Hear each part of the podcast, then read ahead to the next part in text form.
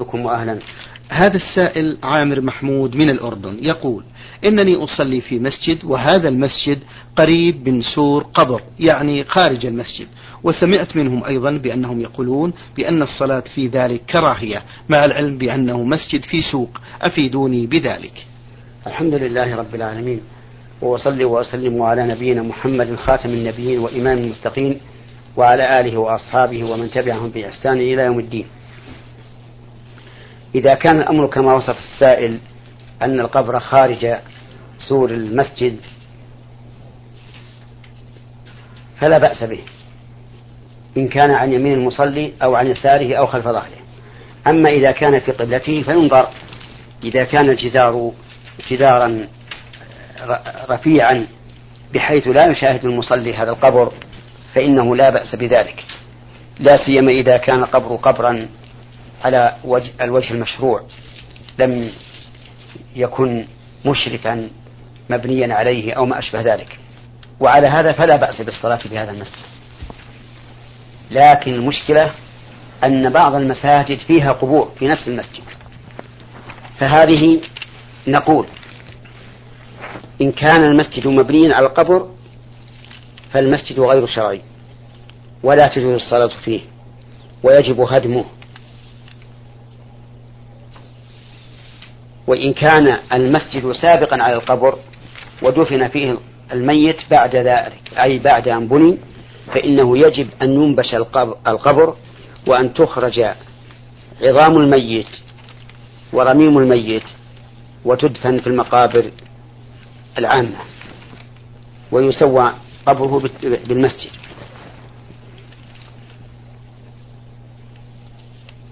فإذا كان هذا غير ممكن. أي لا يمكن نبش القبر الذي دفن آه، صاحبه بعد بناء المسجد. نظرنا إن كان المسجد في قب... إن كان القبر في قبلة المسجد فالصلاة إليه لا تصح. لأنه ثبت عن النبي صلى الله عليه وسلم من حديث أبي مرثد الغنوي الذي رواه مسلم أنه صلى الله عليه وسلم نهى عن الصلاة إلى القبور. وإن كان القبر خلف المصلين أو عن أيمانهم أو شمائلهم فلا بأس بالصلاة في هذا المسجد. آه، أرجو أن يكون الجواب واضحا وهو أن يكون هناك فرق بين مسجد بني على قبر وبين ميت دفن في المسجد. فالأول عن المسجد الأول لا تصح الصلاة فيه. والثاني تصح الصلاة فيه إذا كان الميت خلف المصلين أو عن إيمانهم أو عن شمائلهم. وإن كان في قبلتهم فإن الصلاة إليه لا تجوز.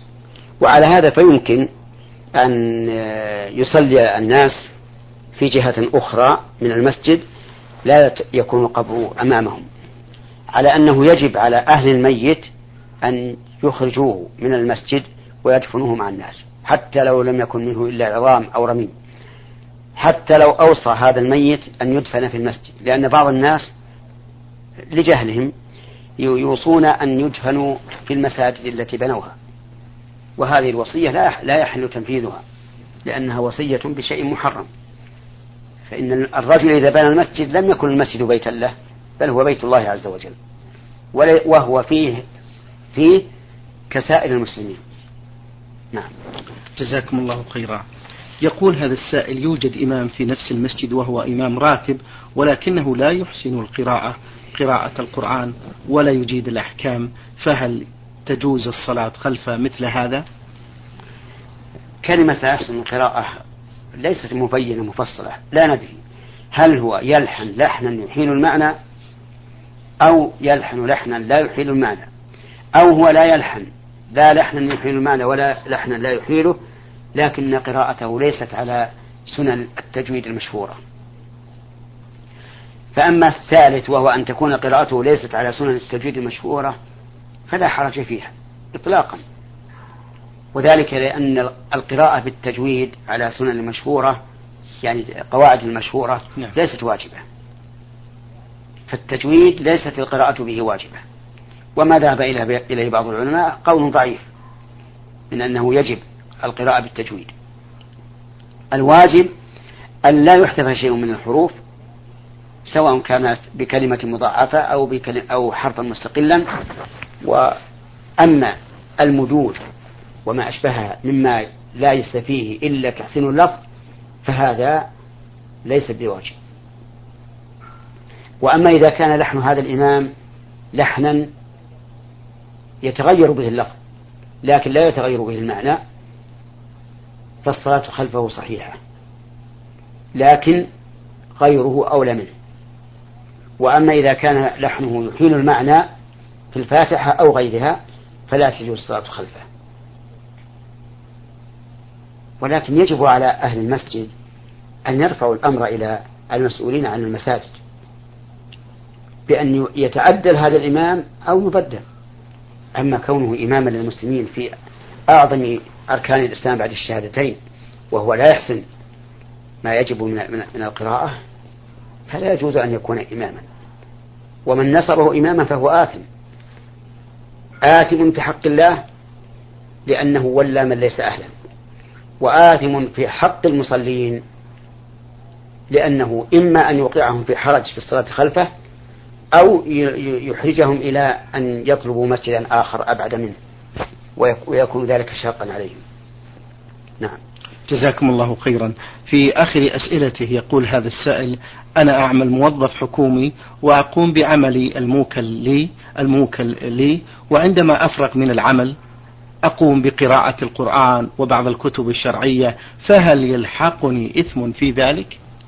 لا يلحقك إذا أدى الإنسان عمله المطلوب منه سواء كان زمنيا أم ميدانيا فهو حر فيما بقي. لكنه حر حسب النظام بمعنى لو كان هذا الموظف ممنوعا من الاشتغال بالتجارة وانتهى عمله الوظيفي وبقي آخر النهار لا عمل له فإنه لا لا لا يتعامل بالتجارة.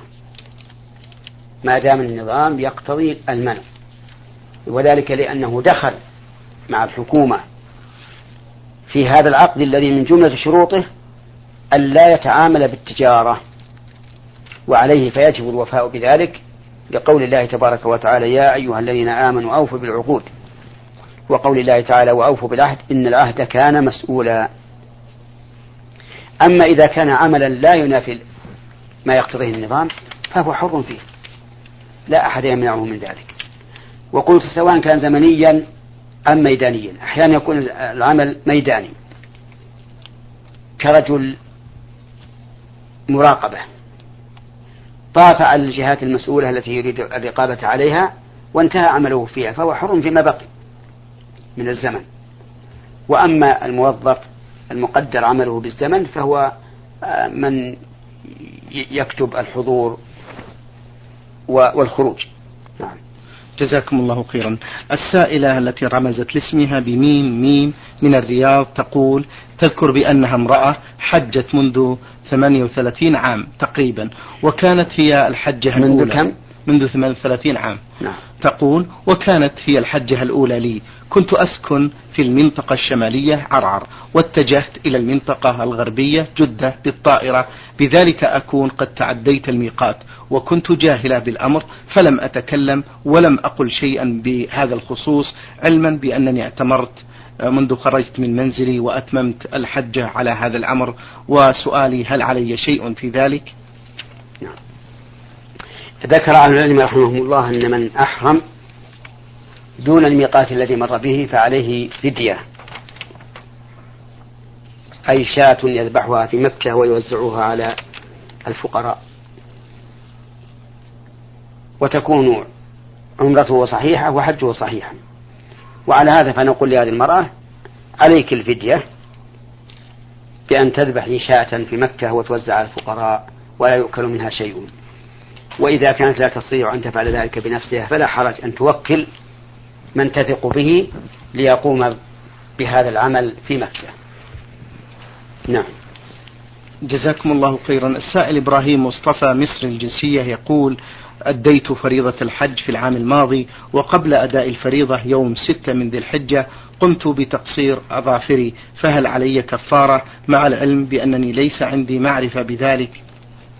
ليس عليك كفارة ولا إثم لأنك جاهل لا تدري. وليعلم أن هناك قاعدة شرعية في كتاب الله عز وجل أقرها الله تبارك وتعالى وهي رفع المؤاخذة بالذنب لمن كان جاهلا أو ناسيا وذلك في قول الله تبارك وتعالى ربنا لا تؤاخذنا إن نسينا أو أخطأنا. فقال الله تعالى قد فعلت. أي رفع عنا المؤاخذة بالنسيان والخطأ. وهذا عام في جميع محظورات الإحرام وفي جميع محظورات الصلاة وفي جميع محظورات الصيام. كل من فعل محظورا في هذه العبادات عن نسيان أو جهل فإنه غير مؤاخذ به لا لا إثم عليه ولا كفارة ولا فدية. فطبق هذه على جميع محظورات العبادات. لو تكلم الإنسان في الصلاة وهو جاهل فصلاته صحيحة. لو أكل أو شرب وهو جاهل فصيامه صحيح. لو احتجم وهو صائم يظن أن الحجامة لا تفطر فصيامه صحيح.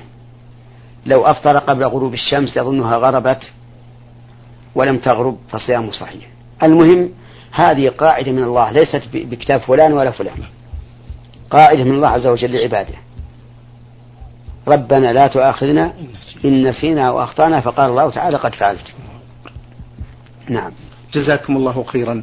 السائل أبو الحسن يقول في هذا السؤال هل يجوز أن أسلم على زوجات أعمامي علما أن لهن أولاد وبنات أيضا مع الدليل. نعم. أما السلام عليهن باللفظ فلا بأس. يعني لو جاء إنسان إلى بيت عمه أو خاله ودخل البيت وسلم في هؤلاء النساء فلا حرج. ولكن يجب عليهن تغطية وجوههن. وما يلزم تغطيته مما يحصل به الفتنة. ولا يجوز له أن يسلم عليهن مصافحة أو تقبيلا. لأنهن لسن من محارمه.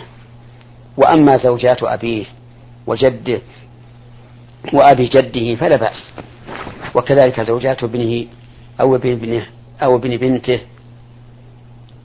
كل هؤلاء يحل له أن يسلم عليهن مصافحة وتقبيلا على الرأس أو الجبهة إن أمن الفتنة. نعم. جزاكم الله خيرا. يقول السائل فإذا قال قائل ما هي الفتنة؟ نعم. قلنا الفتنة أن يتمتع ويتلذذ بذلك أو أن تثور شهوته بذلك. فإذا كان الأمر هكذا فإنه يجب عليه البعد عن ما أبيح له. نعم. يقول السائل أبو الحسن ما الحكم في أن أصلي بعد صلاة العشاء ثلاث ركعات بسلام واحد أي صلاة سنة العشاء والوتر؟ أم يجب أن أسلم بينهن علما بأنني صليت مرارا خلف إمام في صلاة التراويح؟ وكان يصلي ثلاث ركعات بسلام واحد وأحيانا خمس ركعات مع بعض بسلام واحد مع الأدلة. مأجورين. الوتر لا بأس أن إذا أوتر بثلاث لا بأس أن يسلم من ركعتين ثم يأتي بالثالثة وحدها. أو أن يقرن بين الثلاث بتشهد واحد. كذلك إذا أوتر بخمس فالسنة أن يسردهن بتشهد واحد وتسليم واحد. وأما أن يجمع بتسليم واحد غاتبة العشاء وركعة الوتر فهذا غلط. لا يصح. نعم. جزاكم الله خيرا. هذا السائل الحسن عثمان يقول لي صديق حميم يحسن علي إحسانا ويقدم لي الهدايا والمشكلة أن صديقي يذكر إحسانه علي للناس قائلا بأنني اشتريت له كذا وكذا.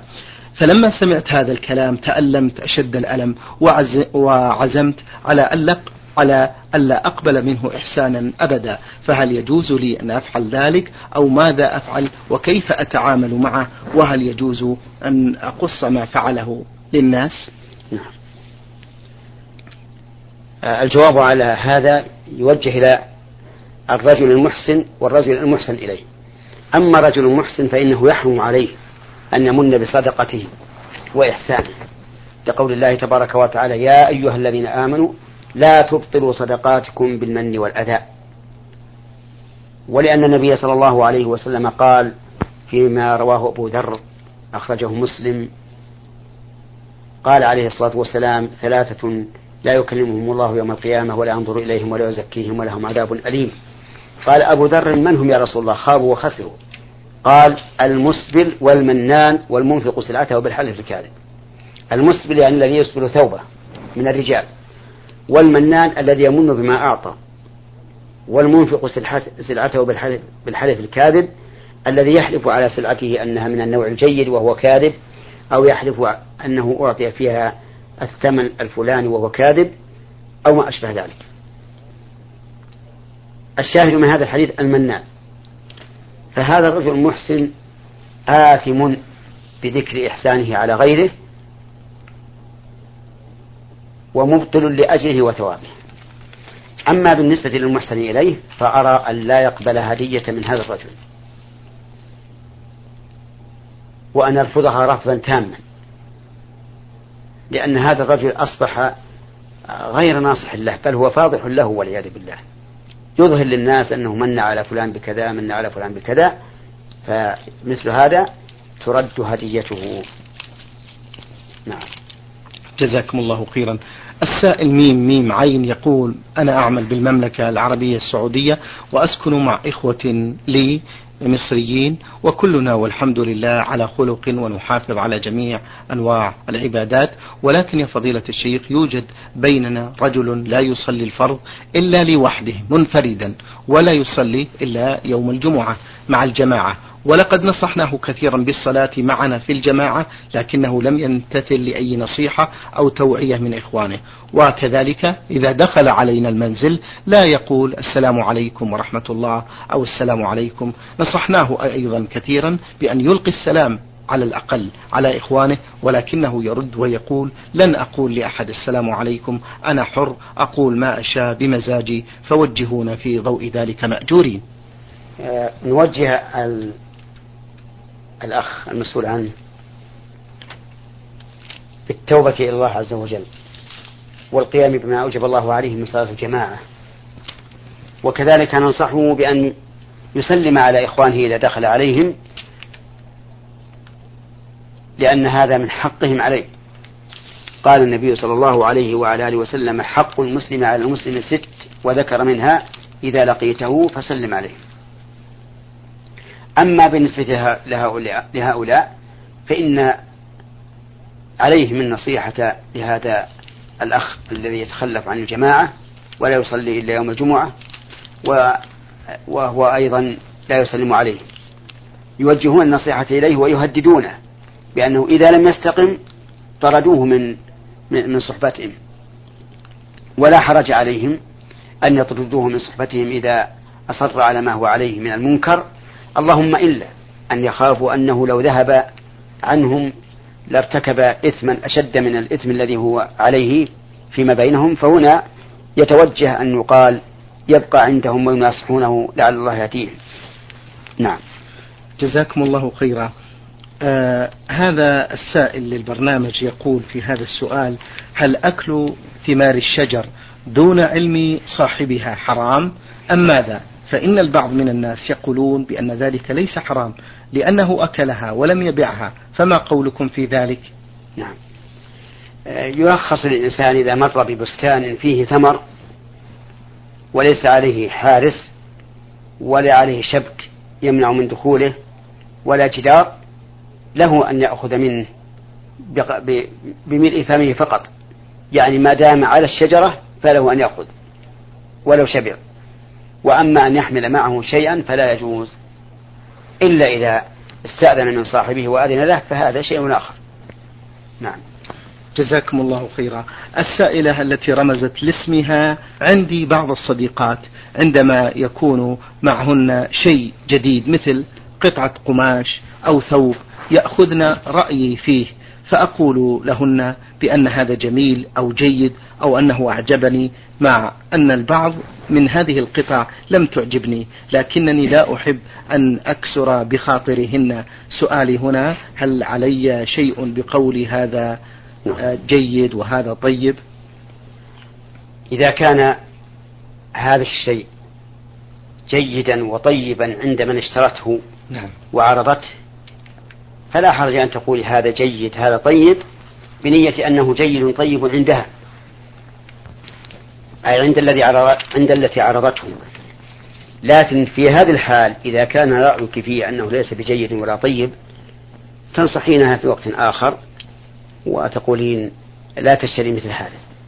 هذا إذا كان هذا الثوب ليس محرما. أما إذا كان محرما فلا يجوز أن تقول إنه طيب ولو بالتورية. لا يجوز. مثل أن يكون ثوبا فيه صور فيحرم عليها أن تقول إنه جيد. أو ثوب ضيق يصف محاجم المرأة أي حجم بدنها فلا يجوز أن تقول إنه طيب. أو ثوب شفاف لا يستر العورة فلا يجوز أن تقول إنه طيب ولو كان طيبا عندها. أو ثوبا فيه غلو وإسراف فلا يجوز أن تقول أنه طيب ولو كان عند الذي اشترته وعرضته طيبا. المهم إذا لم يكن وصفه بالطيب والجيد وصفا لمحرم فلا حرج. لكن إن كان طيبا وجيدا عندها فلا تحتاج إلى تأويل وإلا فإنها تتأول تقول إنه جيد وطيب ثم بعد ذلك يحصل التباحث معها وبيان أنه أن الأفضل أو الأجود والأحسن خلافه. نعم. قد يدخل هذا يا شيخ محمد في باب المجاملة فما حكم المجاملة أيضا؟ هي المجاملة نفس الشيء. إذا كان مجاملة في المحرم فلا يجوز. لأن هذه مداهنة وإذا كان في مباح لكنه لم يعجب الإنسان إنما ذكر ذلك تطيبا لقلب صاحبه فهذا كما قلت يتأول. يتأول يعني جيد عندك مو عندي أنا ثم بعد ذلك ينصح إذا كان يرى أنه ليس بجيد طيب نعم. جزاكم الله خيرا. السائل الذي كتب هذه الرسالة بأسلوبه الخاص حاميم ينبع يقول بأنه رجل يبلغ من العمر الخامسة والسبعين لم يبدأ الصيام يقول في السن القانوني وإنما كنت أصوم أيام وأفطر أيام أخرى هذا بالإضافة إلى تهاوني في أداء الصلاة فقد كنت أصلي أحيانا وأترك أحيانا أخرى وقد داومت على الصيام والصلاة وأنا في الأربعين من عمري. ماذا أفعل في السنوات التي فاتتني؟ ولم أصمها مع العلم بأنني رجل عاجز ولا أستطيع القضاء. يكفي التوبة في مثل هذا لأن كل إنسان ترك عبادة محددة بوقت بدون عذر شرعي فإنه لا يقضيها إذ أنه لا يستفيد بقضائها شيئا. كل عبادة محددة بوقت إذا أخرج الإنسان عن وقتها فإنه لا يقضيها لأن قضاءها سيكون هدرا. لقول النبي صلى الله عليه وعلى آله وسلم من عمل عملا ليس عليه أمرنا فهو رد. ومعلوم أن العبادة المؤقتة إذا أخرجها الإنسان عن وقتها كانت عملا ليس عليه أمر الله ورسوله فتكون ردا. نعم. السائلة أختكم نور تقول في هذا السؤال هل يجب على المرأة عند خروجها أن تلبس القفازين؟ لا يجب عليها أي على المرأة إذا خرجت من منزلها أن تلبس القفازين ولكن عليها أن تستر الكفين. لا سيما إذا كان في طرازهما فتنة بأن تكون كفاها جميلتين أو عليها خواتم أو ما أشبه ذلك. وهذا عن الستر يحصل بالقفازين تارة وتارة يكون بكم الثوب وتارة يكون بطرف العبات. وقد كان المعلوم من عادة نساء الصحابة رضي الله عنهم أن يلبسن القفازين. ولكن لبس القفازين إذا أحرمت المرأة يكون حراما لنهي النبي صلى الله عليه وسلم عن ذلك. نعم. جزاكم الله خيرا. تقول هذه السائلة رجل عنده الكثير من الأملاك ولقد سجل بعضا من أملاكه باسم أولاده وليس بالتساوي فهل يجوز له ذلك الفعل أم لا؟ لا يجوز للإنسان أن يسجل شيئا من أملاكه باسم أحد أولاده وإن فعل فعليه أن يتوب إلى الله وأن يرد ما سجل باسم أولاده إلى ملكه أو يعطي الأولاد الآخرين مثل ما أعطى هؤلاء. فيسجل لهم من أملاكه مثل ما سجل لمن, سبق لمن سبقهم ويكون للذكر مثل حظ الأنثيين. نعم. تقول السائلة إذا كانت المرأة تعلم بأن زوجها يسمح لها بالذهاب عند أهلها وأقاربها فهل يجوز أن تذهب بدون إذنه للحاجة؟ هذا يرجع إلى حسب علمها بحال الزوج. بعض الأزواج تعلم الزوجة أنه يأذن لها أن تخرج للحاجة ولأقاربها وبعض الأزواج تعلم المرأة أنه لا يريد من زوجته أن تتعدى ما أذن لها فيه. فعلى حسب حال الزوج. لكن إذا نهاها أن تخرج لحاجة أو غيرها إلا لهذا الغرض المعين فلا يجوز لها أن تخرج إلا لهذا الغرض المعين. جزاكم الله خيرا. نختم هذا اللقاء بسؤالها الأخير تقول بالنسبة للمكياج الذي تضعه المرأة على وجهها للتزين للزوج هل في ذلك بأس؟ آه، ليس في هذا بأس. إذا كان لا يضر البشرة